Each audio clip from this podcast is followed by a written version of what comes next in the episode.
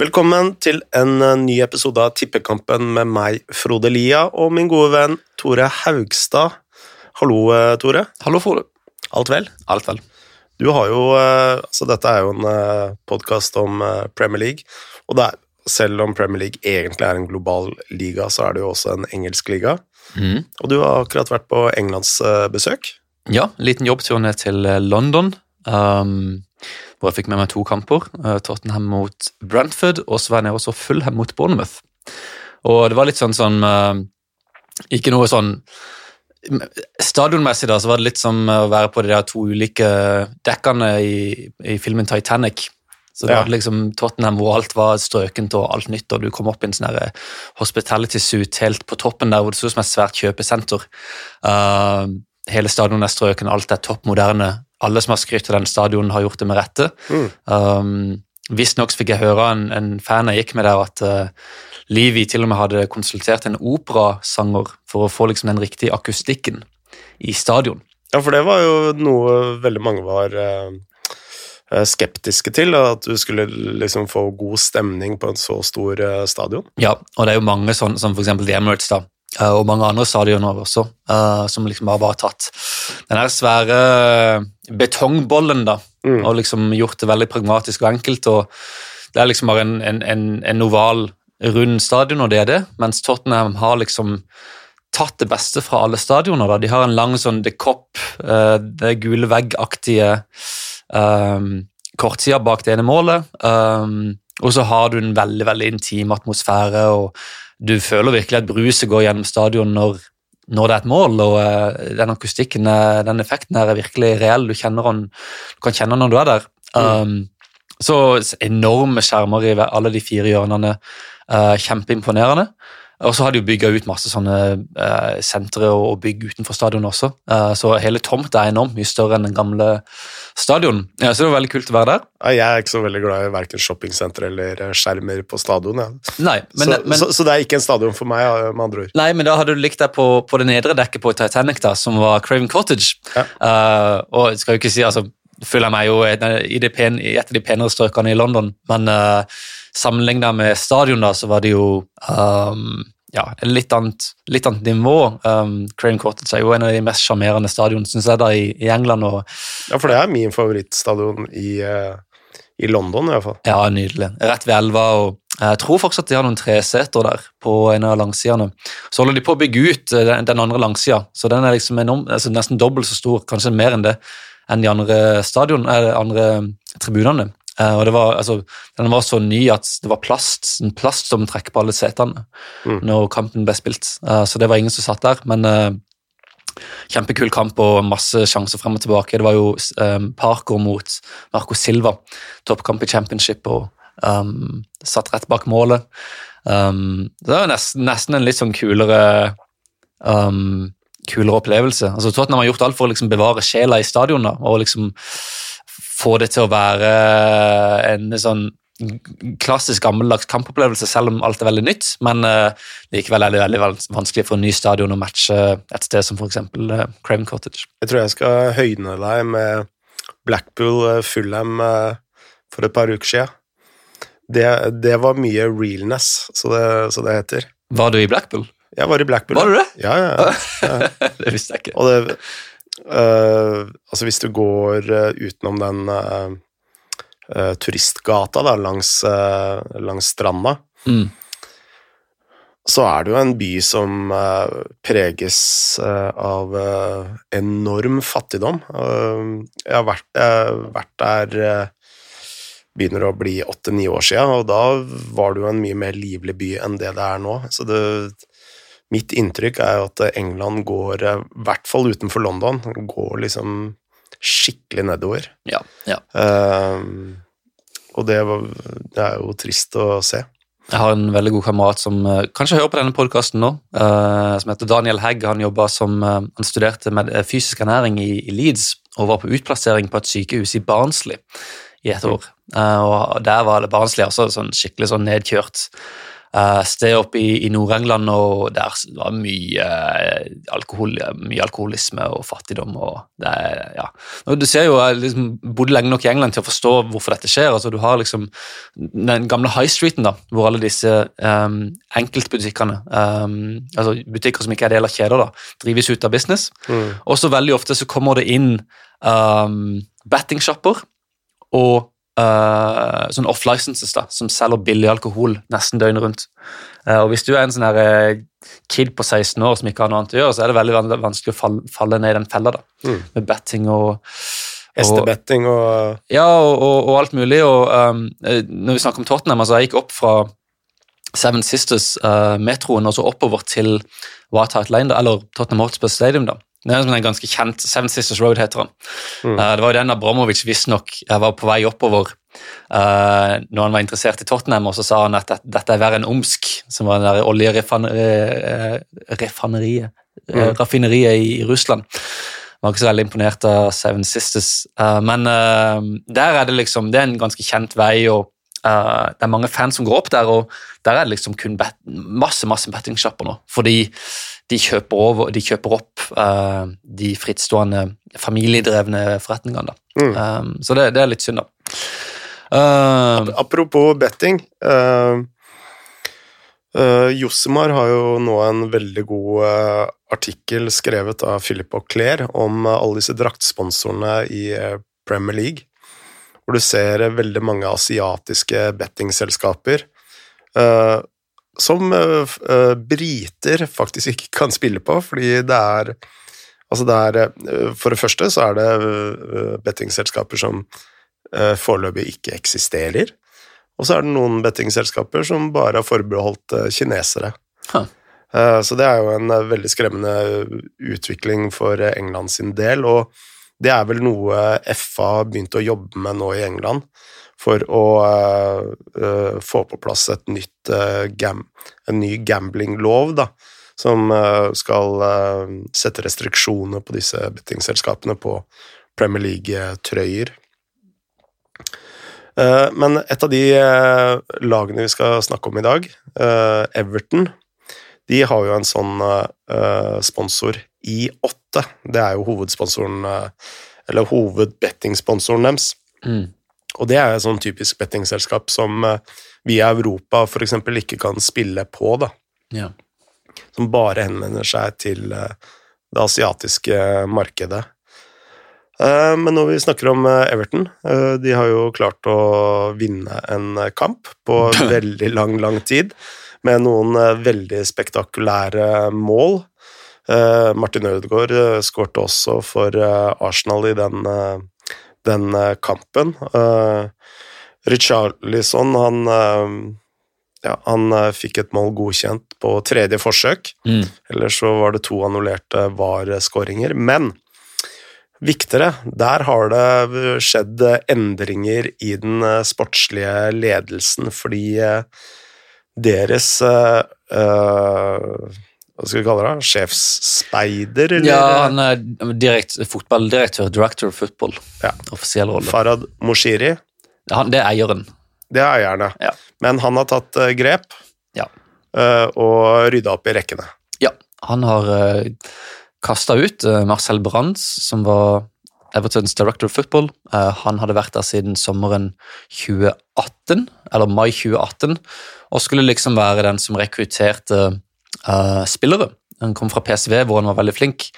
Um, og disse rollene, Dette er jo en rolle som, som er enormt undervurdert i fotball generelt, um, og som har enormt mye å si. Uh, Liverpool har jo hatt Michael Edwards. Um, I City så kan du vel si at det er Begiristan. Uh, I United er det egentlig ingen. Uh, kan, det er jo egentlig i praksis kanskje vært Ed Woodward, men det er liksom ikke en sånn Det er jo den nøkkelperson som United har sagt de har lyst til å hente inn, men som de aldri får på plass. Mm. Um, og uh, det er, og så har du Eminalo, der, som var i Chelsea før, og som uh, har sagt nei til Newcastle nå. Um, denne ja, Direktøren da, som, som, henter inn spillere og som jobber tett med treneren og um, koordinerer speidinga osv. Uh, og du kan se Liverpool sitt tilfelle hvor bra det kan gå når, uh, når det funker, når personen er flink. Og så har du Everton sitt tilfelle hvor det ikke har fungert i det hele tatt. Uh, Branns um, altså Under han da, så har de brukt 300 millioner pund uh, på stallen, uh, og likevel så er de nå i en situasjon hvor de, altså de lå vel på 16. før den kampen mot Arsenal. De er på 12. nå. slitt veldig med formen. De brukte kun 1,7 millioner pund i sommeren, som er nesten ingenting, mm. fordi de er, ja, de er, bare gått tom for penger. Demora Gray, Andrews Townsend og Asmir Begovic og Salmon Rondon det er jo budsjett, budsjettkjøp i beste fall. Uh, og før det så har de jo, altså Ser du på de kjøpene de har hatt under Brannstad, så er det uh, 2018 Richarlison greit, men så er det tre spillere fra Barca. André Gomez, uh, Lucas Ding og Jeremina. Kurt Zuma har kommet inn. Um, Alexi Iwobi, Moise Keane, um, Jean-Philippe Gbabin, som har vært mye skada, Fabian Delp, Jibril CDB, um, King var inne en liten stund, uh, James Rodriguez, uh, Dokore, Allan, Ben Godfrey Det er flere misser enn en hitter her. og um, også veldig veldig mange trenere som har kommet inn og ut. Uh, Alf til Big Sam til ja. ja. Det har vært en veldig stor variasjon. Ja, veldig stor variasjon, vanskelig å finne en klar plan. Og så er det jo også anklag, altså mange som anklager Moshiri sjøl for å liksom uh, for, være sånn hands on der og blande seg inn i dette. Mm. Um, så, um, så, det er klart at det ikke fungerer helt. Uh, men så kan vi kanskje forstå det litt med Moshiri også. Han har jo uh, Vi snakka jo mye om, om Alisher Usmanov i sesongen om eiere når vi snakker om Arsenal. og Han prøvde jo å kjøpe ut Sten Kronke for noen år siden. og både han og uh, Moshiri eide jo det var vel Red and White Holdings, dette selskapet som eide rundt 15 av aksjene i Arsenal. Og så prøvde liksom hele, de, hele tida de å kjøpe ut Det var det han eh, eide med Usmanov, ikke sant? Ja, og de prøvde å kjøpe ut Kronke, og Kronke bare sto på sitt. Han gadd ikke å selge, han tok over mer og mer, og til slutt så ga Usmanov og Moshiri opp. Uh, så i stedet for å liksom kjøpe seg inn i Arsenal, da, så tok Moshiri over Everton som majoritetseier i 2016. Mm. Så han har jo gått rundt og kribla i 10-15 år etter å eie en klubb. Og da er det kanskje naturlig for en, en type som han da å være litt sånn hands on og blande seg inn i ting når, de, når han endelig får makta til det. Uten at det har gått så veldig bra. Nei, og altså hvis vi tar uh, Snakker litt mer om uh, Moshiri, da, så er han jo ikke sånn Han er jo ikke en sånn superriking. Han er vel god for rundt uh, et sted mellom 18 til 25 uh, norske milliarder, da. Uh, og uh, det er altså det, Selvsagt, det er jo veldig, veldig mye penger, men det er jo sånn Røkke er liksom dobbelt så stor, da. Mm. og når du ser de andre superrike eierne i Premier League, så er, så er jo det ganske langt unna. så det er jo også forståelig at han er mer hands on. Men det jeg syns er litt uh, interessant her altså Moshiri har jo uh, en bakgrunn som eier i Arsenal, hvor de hadde Eller også forsøkt å gå over etter Wenger, da. Uh, nå skal det jo sies at han, han gikk jo ut av Arsenal før Wenger ga, ga, seg. Ja, jeg tror, jeg tror ikke de hadde så mye makt heller i Arsenal. Nei, men du blir jo liksom inspirert av uh, den klubben du er en del av. Og selv om Wenger var eh, manager, så satsa de jo veldig mye på å være sånn uh, fremme i skoa med tanke på rekruttering, da. Altså, de hadde en veldig sånn Eller de var vel ganske langt unna Nei, langt fremme på uh, I ulik grad av hell, da, på å ja, det å bruke statistikk altså Komoli var jo veldig tidlig inne i Arsenal, uh, kjent som Moneyball-sportsdirektøren uh, i, i, Premier League, uh, uten noe særlig suksess. Han var, var han i Arsenal, Komoli? Nei, han var jo også i Tottenham, men han var jo en rådgiver i, okay. i Arsenal, mener jeg å huske. De hadde noe som heter StatsDNA også, som var sånn eksternt statistikkbyrå.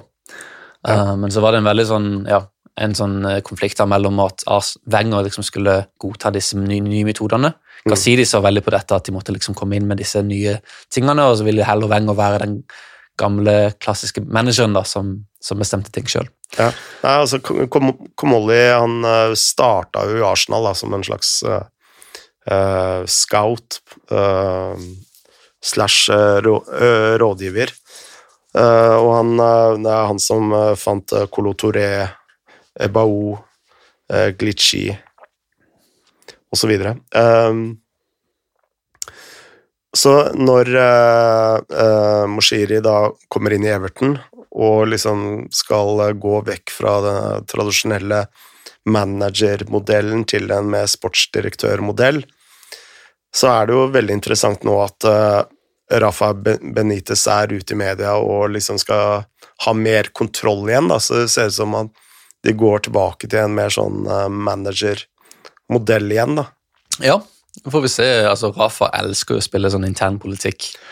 Akkurat, og det, det var uh, Dette var jo et langt resonnement, men det var jo det som var blei poenget mitt. da. Dette her ser jo og lukter ut som en maktkamp. Ja. Uh, uh, mellom Marcel Brans og Rafael Benitez. Ja, og det var kanskje uunngåelig at en av de måtte gå. altså Når, når fansen er såpass unhappy med Moshiri, så må du jo du må, du må servere Du må legge ut et, et, et um, hode på et fat her, og det måtte jo kanskje bli en av de to. og hvis det var en maktkamp, så har Rafa vunnet den. og Moshiri har sagt, at han støtter Rafa. og det er jo, altså Fra utsida så virker det fair. altså Rafa har jo ikke brukt noen penger i det hele tatt. Han har slitt veldig med skader. Calvet Lewin er ekstremt viktig og har vært ute mye. Richarlison har vært ute mye. Um, mange andre skader der også. Sigurdsson er jo helt ute av uh, enda, enda, verre årsaker enn det. Uh, Visstnok. Um, så det har vært vanskelig for Rafa, og det er ikke lett å, å, å lede Everton opp tabellen når du har Rondon alene på topp og Gray og Townsend, som er budsjettcup like bak.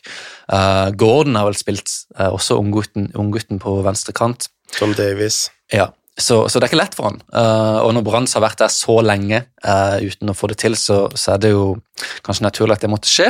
Mm. Og så får vi se da om, om altså, det no, Dette endrer jo ikke noe på kort tid. Uh, Rafa har fortsatt den stallen han har. Um, og, og må, må, liksom kunne snu dette, iallfall frem til januar, når de kanskje, kanskje kan kjøpe noen spillere. Men, men så får vi se da om fansen godtar dette som et slags et tegn på at ting kommer til å bli bedre. Uh, de skal jo ha et strategic, strategic, review nå som antyder at de må gjøre en slags helomvending i, i måten de setter den sportslige strategien på. Um, og så får vi se om det kommer til å gjøre noen føre til noen drastiske endringer, da, eller om, om det kommer en ny direktør inn, eller om Rafa bare tar helt over. Altså Hvis de vinner mot Crystal Palace nå, så tyder jo mye på at uh Rafael Benitez blir liksom enesjef. Ja. Um, de har vel Skal vi se på kampene videre. Ja, de har Palace borte, Chelsea, Leicester, Burnley, Newcastle, Brighton. En periode der i rett etter jul hvor de har et veldig greit kampprogram. Um, og hvis de får tilbake Calvert Lewin nå, så har det mm. veldig, veldig mye å si også. Og nå møter de Crystal Palace, trapt, uh, tapt de tre siste. Mm. Ja. Uh, bør jo være en overkommelig motstander. Ja, det bør det. Og Richarlison, han eh, ser jo ganske heit, uh, heit om dagen. Ja, han gjør det også. Så um, vi får se. Bare de har VAR på sin side, si. Mm -hmm. uh, la oss gå litt videre. Steven Gerrard kommer tilbake på Anfield. Lørdag klokka fire. Hva tenker du om den velkomsten? Han blir vel eh, mottatt som en helt, og det bør han jo være. Eh, jeg tror ikke han har lagt så veldig mye skjul på at han har lyst til å trene Liverpool før eller siden. Eh, han begynte jo der i akademiet før han dro til Rangers. Um, har sikkert veldig mange venner der. Um, og, men får det nok tøft. Uh, nå har Villa spilt bra under Gerard. Har vært skikkelig skikkelig, skikkelig, skikkelig bra. Det har vært, det har vært lovende. Mm. Um, hva tenker du har vært lovende?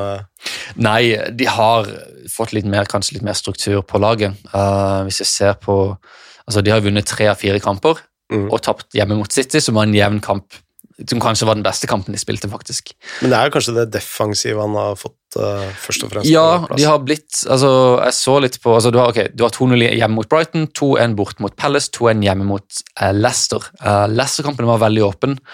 Um, men hvis du ser på forventede mål, da, hjemme mot Brighton så slapp de til 0,58, som er bra.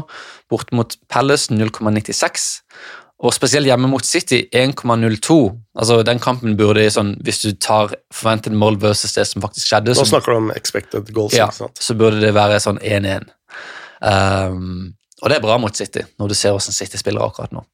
Um, og så kan du se på altså Du snakka litt om possession og sånn før han tok over. Um, hvis du ser på tallene um, i de fire kampene, hvor mye Villa har hatt ballen, så er det veldig veldig lavt. Brighton 37% både Palace og City 36% og Leicester 40 uh, Og alle de fi, det er de fire kampene uh, i hele sesongen hvor Villa har hatt ballen minst. Så hver eneste kamp utenom Gerard så hadde Dean Smith sitt lag ballen mer. og når vi ser på lagene, så har jo både Brighton, Palace og Leicester ballen mye, så det er kanskje litt naturlig, men interessant at han har gått for en kanskje litt mer sånn reaktiv uh, stil, da, uten så veldig mye ballbesittelse nå i starten. Uh, så har det funka veldig bra. Og så får vi se om han liksom vil prøve å skape litt mer av den dominansen han hadde i Rangers på, på lang sikt. Ja, for jeg trodde at uh, Aston Villa ville være litt mer Øke altså possession litt. Fordi Aston Villa var jo også i utgangspunktet et av de mest direkte lagene i Premier League. Ja, de var det. Og nå kan du si det har blitt enda mer direkte. Um, men så er jo Gerard en, en Vi snakker litt om dette også, han er jo pragmatisk. Uh, snakker om at han, hadde, han likte måten Mourinho trente Chelsea-laget på uh, sånn 2004 til 2007. Um, og jeg tror at hvis han, han ser nå at han har et bra forsvar, og at det vil ta tid å drille inn disse offensive mønstrene, så begynner liksom ikke han med det nå, rett før jul, når det ikke er noe tid, og liksom, det er liksom kamp og så restitusjon og kamp igjen. Uh, det ville vært veldig sånn naivt og, og litt for ideologisk da, å begynne med det nå. Um, så jeg tror han gjør lurt i å liksom få på plass de grunnleggende tingene og ta så mye poeng som mulig, og så kan han heller få inn det finspillet når han har litt mer tid, og um, når det er litt mer ja, litt større pause mellom kampene. Nå skal det jo sies at uh, de har møtt motstand som er lag som uh, har mye ball. Ja, det er akkurat det. Så det er kanskje litt tidlig å, å felle en dom over den analysen min. Ja, altså, men altså det, det, er jo, det, er jo, det er jo en klar trend her i starten. Mm. Det er det jo. 40% eller mindre mot alle lagene. Men, og det vil jo sikkert helt sikkert fortsette mot Liverpool også. Um, men får vi se da hva neste enkle kamp Villa har. Um, er det Liverpool snart, og så er det Norwich borte, og så Burnley hjemme. Så hvis de ikke har ballen mest de kampene, mm. så um, ja, da, da er det iallfall Da kan vi iallfall felle en dom enn så lenge, da. Men uh, altså, hvis vi sitter her tidlig neste sesong og vil ha fortsatt ha ballen 40 mm. så det, det, er en dom. Det, det vil være overraskende. Men uh, ja, jeg tror heller ikke at det skjer. Uh, et ord om Liverpool og um, Altså Kunne jo ha nevnt Origi her. Uh, den nye Solskjær. uh, men én ja. ting jeg har tenkt veldig, veldig mye på i det siste, og det uh, var Ballon d'Or. Ja. og når jeg ser Mohammed Salah ende på en syvendeplass Da koker det. Jeg forstår ikke det. For meg så er han en av verdens beste fotballspillere akkurat nå. Uh, og jeg bare skjønner ikke hvorfor han er så undervurdert. Mm. At uh, Jorginho, uh, Canté som, og Cristiano Ronaldo er over Salah, kan ikke skjønne det.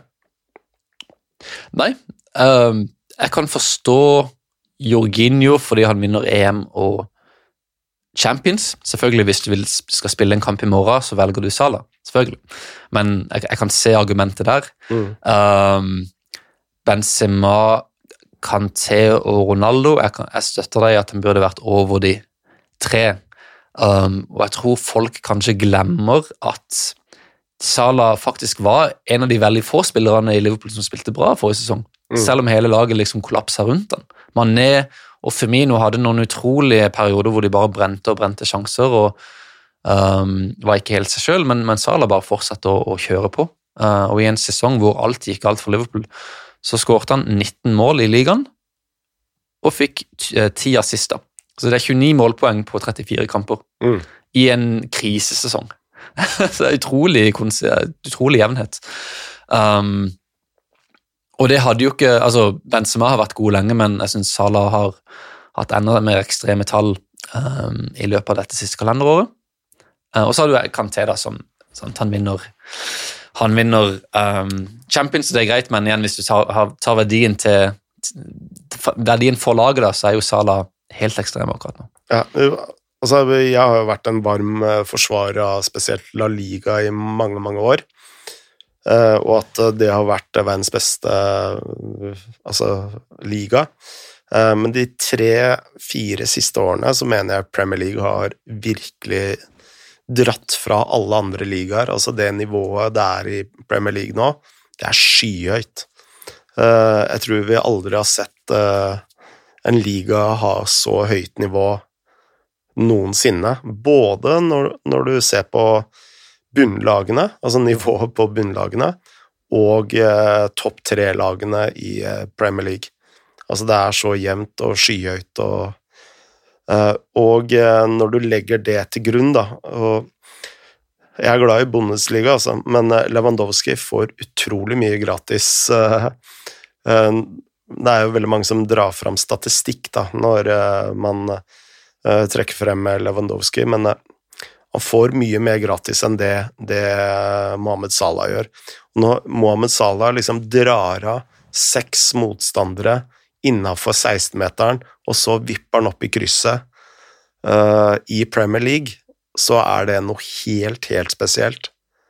Og uh, jeg kan bare ikke fatte at han er syvende beste spiller i verden akkurat nå. Ja. Det um, legges veldig mye vekt på forrige sesong. Um, så har du jo så er det liksom, Jeg vet ikke, jeg vet ikke akkurat når stemmene gikk inn, men altså han spiller jo sikkert skåret et par mål etter at stemmene ble gitt også. Um, og så er det jo generelt mye mer vekt, syns jeg, da, på um, høsten, nei, våren vis-à-vis høsten. Mm. Um, og vi snakker jo altså liksom Messi også, da. Han har jo vært helt, helt, helt, delt av siden sommeren. Uh, og vinner likevel. Og han vinner jo nesten kun på grunn av januar til juni-juli uh, med siste halvdel av sesongen og, og Copa America. Mm. Uh, mens Salah har vært ja, i sitt livsform siden sommeren. da. Uh, og Der ser du liksom hvor, hvor vekta ligger der. Uh, bare ta det med her. altså 13 mål og 9 målgivende på 15 kamper for Sala. Um, det er ikke ofte vi har sett det i PL. altså Det her går liksom tilbake til uh, Cristiano Ronaldo hadde kanskje et mål per snitt i kamp en, en sesong. 2007-2008, tror jeg det var. Men her har du liksom målgivende også. Så det er, det er liksom, Jeg tror nesten du må tilbake til Thierry Henry-tida mm. for å finne sånne tall um, over en sånn periode. Og så får vi se hvor lenge Salah klarer å holde dette oppe, men, men ja, det, det, er helt utrolig. Og det er Champions også. Um, syv mål på seks kamper i, i Champions. så, um, så, ja. Men så, så taper han litt på at Liverpool kom på tredjeplass, og at det ikke var African Cup of Nations eller en sånn lang Champions League. Uh, noe Champions League-eventyr for, for, Liverpool også, da. Så um, det er sikkert litt derfor. Bare, bare fullføre det med, med, engelske lag også. Altså, altså, det er helt utrolig. City vinner gruppa. Uh, Liverpool vinner hver eneste kamp mm. uh, i en gruppe med Atletico, Porto og Milan. Altså, B-laget til Liverpool slår Milan borte. Uh, B-laget til Liverpool slår Porto hjemme. Um, United har jo vært i vært en, en katastrofe i Champions uh, denne sesongen. Med så mye trøbbel i tap bort mot Young Boys og i trøbbel mot Villarreal. Og likevel så vinner de altså gruppa der også. Um, og så har du Chelsea, da, som burde vunnet gruppa i går, men som slipper inn helt på slutten Mm. mot Zenit. Også det med i stor grad av B-prega lag. Mens Barca havner bak Benfica, um, og Atletico sliter seg videre eh, helt mot slutten. Så, eh, så ja, det er en enorm eh, nivåforskjell, og det kommer bare til å fortsette fordi Premier League håver inn så mye penger og har noen TV-avtaler både i England og spesielt i utlandet, som er helt utrolig. Um, blir veldig overraska om vi ikke får eh, ja, halvparten av lagene inn i, eh, inn i kvarten som er, som er engelske. Mm. Eh, du nevnte Manchester United. Uh, vil si et par ord om uh, Manchester United og Ralf Ragnhild, eller? Uh, altså, det er jo noen åpenbare tegn der allerede. Ja, det er jo det. Um, så det mot Palace også, de vinner ballen høyt. Skaper mange skudd. Uh, ikke sånn supermange store muligheter, men veldig mange avslutninger. Mm. Um, tror Ronaldo kanskje hadde fem-seks uten at han skårte, men det er jo veldig lovende. Og så holder de buret rent, som i seg sjøl er noe veldig nytt nå for United denne Mm. sesongen. Jeg vet ikke om du har noen dom sjøl over hva du har sett til nå? Nei, altså det er jo det åpenbare. Altså, Ralf Ragnhild, han eh, ja, altså Han er jo gudfaren av eh, tysk fotball, og det er jo det høye presset som var liksom signaturen. Og det ser vi også nå i, i, eh, i Manchester United, at eh, de presser høyt som et lag. Altså, du ser at eh, når angrepsspillerne eh, presser høyt, f.eks., ut på kantene, og så står de som en L, og du ser en uh, indreløper som alltid tar ut rom, rom imellom uh, høyre kant og, og spiss. Eh, det er jo en sånn klassiker som spesielt en trener som Roger Smith har eh, tatt eh, mye av, som tidligere annet eh, trente Leverkosen. Men så ser du også at eh, forsvarsspillere også eh, markerer tettere, da. Så det er jo hver gang de lange ballene kommer, de virkelig har sin forskjell, da. Men det er jo Det som er interessant, sånn statistisk messig, det er jo at Manchester United løper ikke mer. Altså, de har omtrent samme antall meter som de løper, men de har høyere antall sprinter. Korte sprinter. Eh, Det er jo interessant. En annen ting som eh, slo meg veldig, det er jo hvis du ser på tallene første og andre omgang, så er førsteomgangen første omgangen betraktelig mer intensiv enn andre omgangen.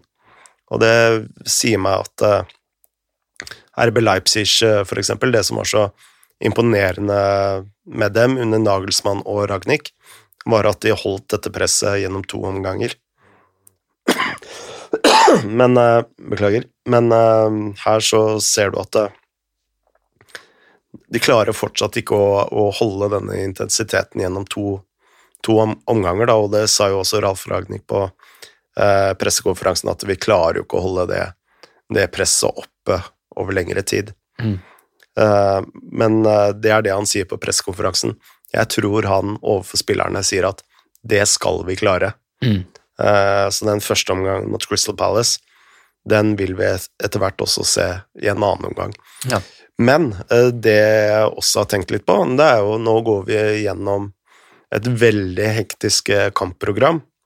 Og det at han nærmest spilte et rent B-prega lag mot Young Boys, helt ubetydelig kamp, men jeg er litt usikker på om det ville ha skjedd under eh, Solskjær.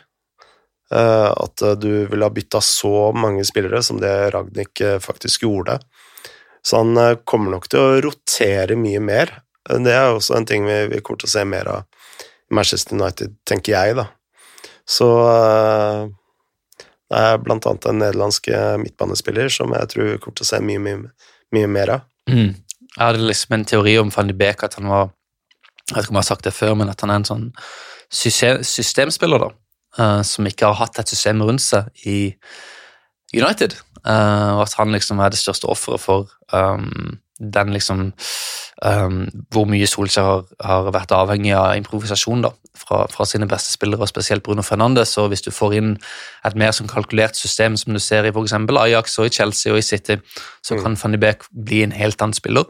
Det blir veldig gøy å se om han kommer til sin rett uh, under uh, Ragnhild. Jeg håper det, for det er en gøy spiller å se på. Ja, fordi i Ajax så er det jo Altså, den totalfotballen der er jo veldig sånn pasningsbestemt. At det er faste pasningsmønstre mm.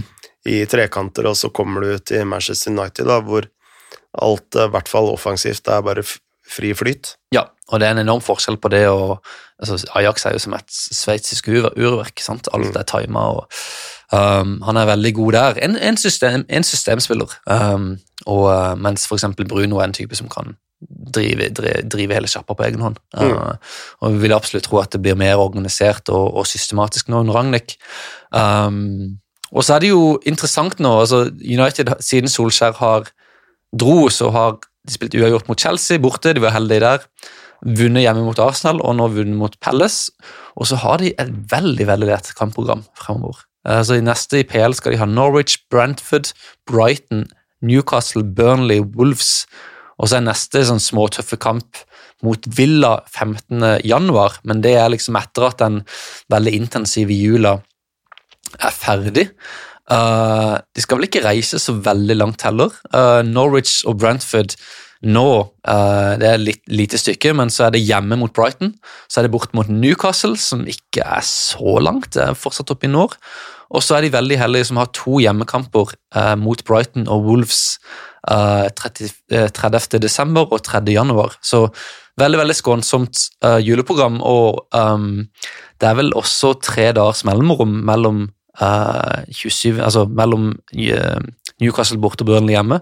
Så de er liksom ikke et av de lagene som liksom virkelig får kjørt seg og må slite veldig og rotere enormt i løpet av jula. Uh, jeg tipper at United Fink kan komme ut på fjerdeplass uh, når vi er ferdig med vinterprogram. Mm. Bra. Uh, sånn avslutningsvis Covid. Ja. Det er jo den store overskriften nå frem til ja, frem til jul. Tottenham. Minst, ja. Antonio Conte satt jo nærmest og gråt på pressekonferansen om at han ikke hadde spillere igjen. Ja. Det kan man skjønne når man ser hvor bra de har gjort det. Um, det var vel Everton borte som var debuten hans, 0-0, uh, og så har de vunnet 2-1 mot Leeds, 2-0 mot Brentford og 3-0 mot Norwich. Lette kamper i gåseøyne, men, men, de får jobben gjort og har sluppet inn ett mål på fire kamper, som er utrolig bra. Og uh, veldig synd for Konta at han nå mm. liksom ikke klarer Først har kommet i gang. Ja, at han ikke opprettholder den, dette momentumet. Uh, det var syv spillere, tror jeg, som hadde testet positivt, så vidt jeg kunne se. Uh, de har allerede måttet utsette Burnley borte pga. snø, og nå får de sannsynligvis Jeg leste om at de skulle søke om å få utsatt Brighton-kampen nå i helga. Kampen mot Renn i kveld. Er det ikke Renn? Ja, den er avlyst. Den er avlyst.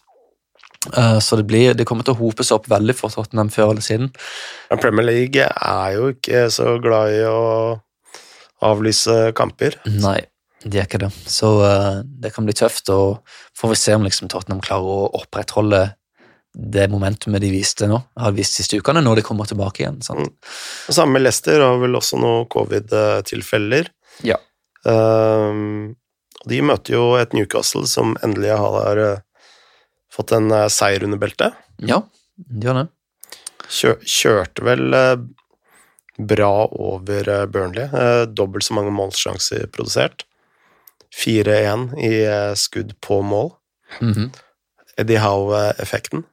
Iallfall mye mer offensivt nå. Mm. Um, og uh, kanskje litt lettere å være Colin Wilson når du ikke trenger å gjøre Når du får litt støtte fra lagkameratene. Ja, tre poeng fra sikker eh, plass. Ja. ja. Uh, og det bor jo mye i det laget, uh, med Sant Maxime og Colin Wilson. Og Joe Linton har jo til og med skåret et mål. Mm. så ja. Det, men så er det det er liksom eh, interessant å se de, hva de gjør nå i januar også. Uh, om de klarer å forsterke, og hvem som skal stå bak signeringene. Altså, hvem er det som har ledelsen her? Uh, det ser fortsatt ut som de um, somler veldig og surrer veldig mens en til å finne en, en, type som Marcel Branstad, en, en, direktør som kan overse det strategiske. Mm. Så det blir veldig veldig spennende å se om de får han eller hun på plass innen januar, og i så fall hvem de henter. Hvilken kamp gleder du deg mest til i helgen? Nå må jeg se Det var City Wolves tidlig, Arsenal så 15 um, Så du går rett på topplagene, altså? Nei, jeg bare ser gjennom lista her. Um, jeg gleder meg egentlig veldig til Norwich United, fordi det er to nye trenere og vet ikke helt hva vi får. Uh, og så er jeg veldig spent på om Chelsea nå har de, Chelsea har spilt um, De var heldige som vant mot Watford. De hadde en dårlig kamp mot Westham. Uh, de de surra vekk seieren mot Zenit.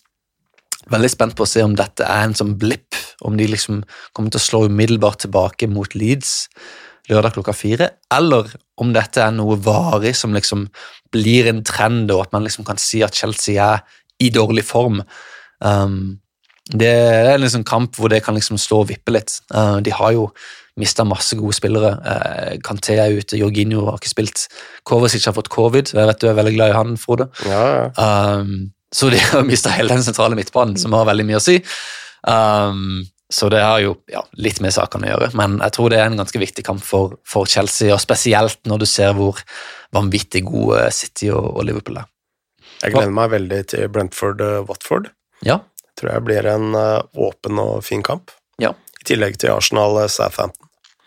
Så det blir mine kamper i helgen. Du blir hjemme på fredag kveld? Jeg blir hjemme med et uh, Holdt jeg på å si glass rødvin, men jeg er ikke så glad i rødvin, så si gløgg, da. Ja. ja. Eller den gode juleølen som vi fikk spandert av moderne media. Sånn helt mellom oss to. Jeg er ikke glad i juleøl heller. Okay, okay, okay. Det er helt forferdelig. Nei, greit. Uh, Men vi ses uh, neste torsdag. Absolutt, uh, det gjør vi. og enn så lenge så må vi bare ønske folket en, en fin helg. Og på gjenhør. Moderne media.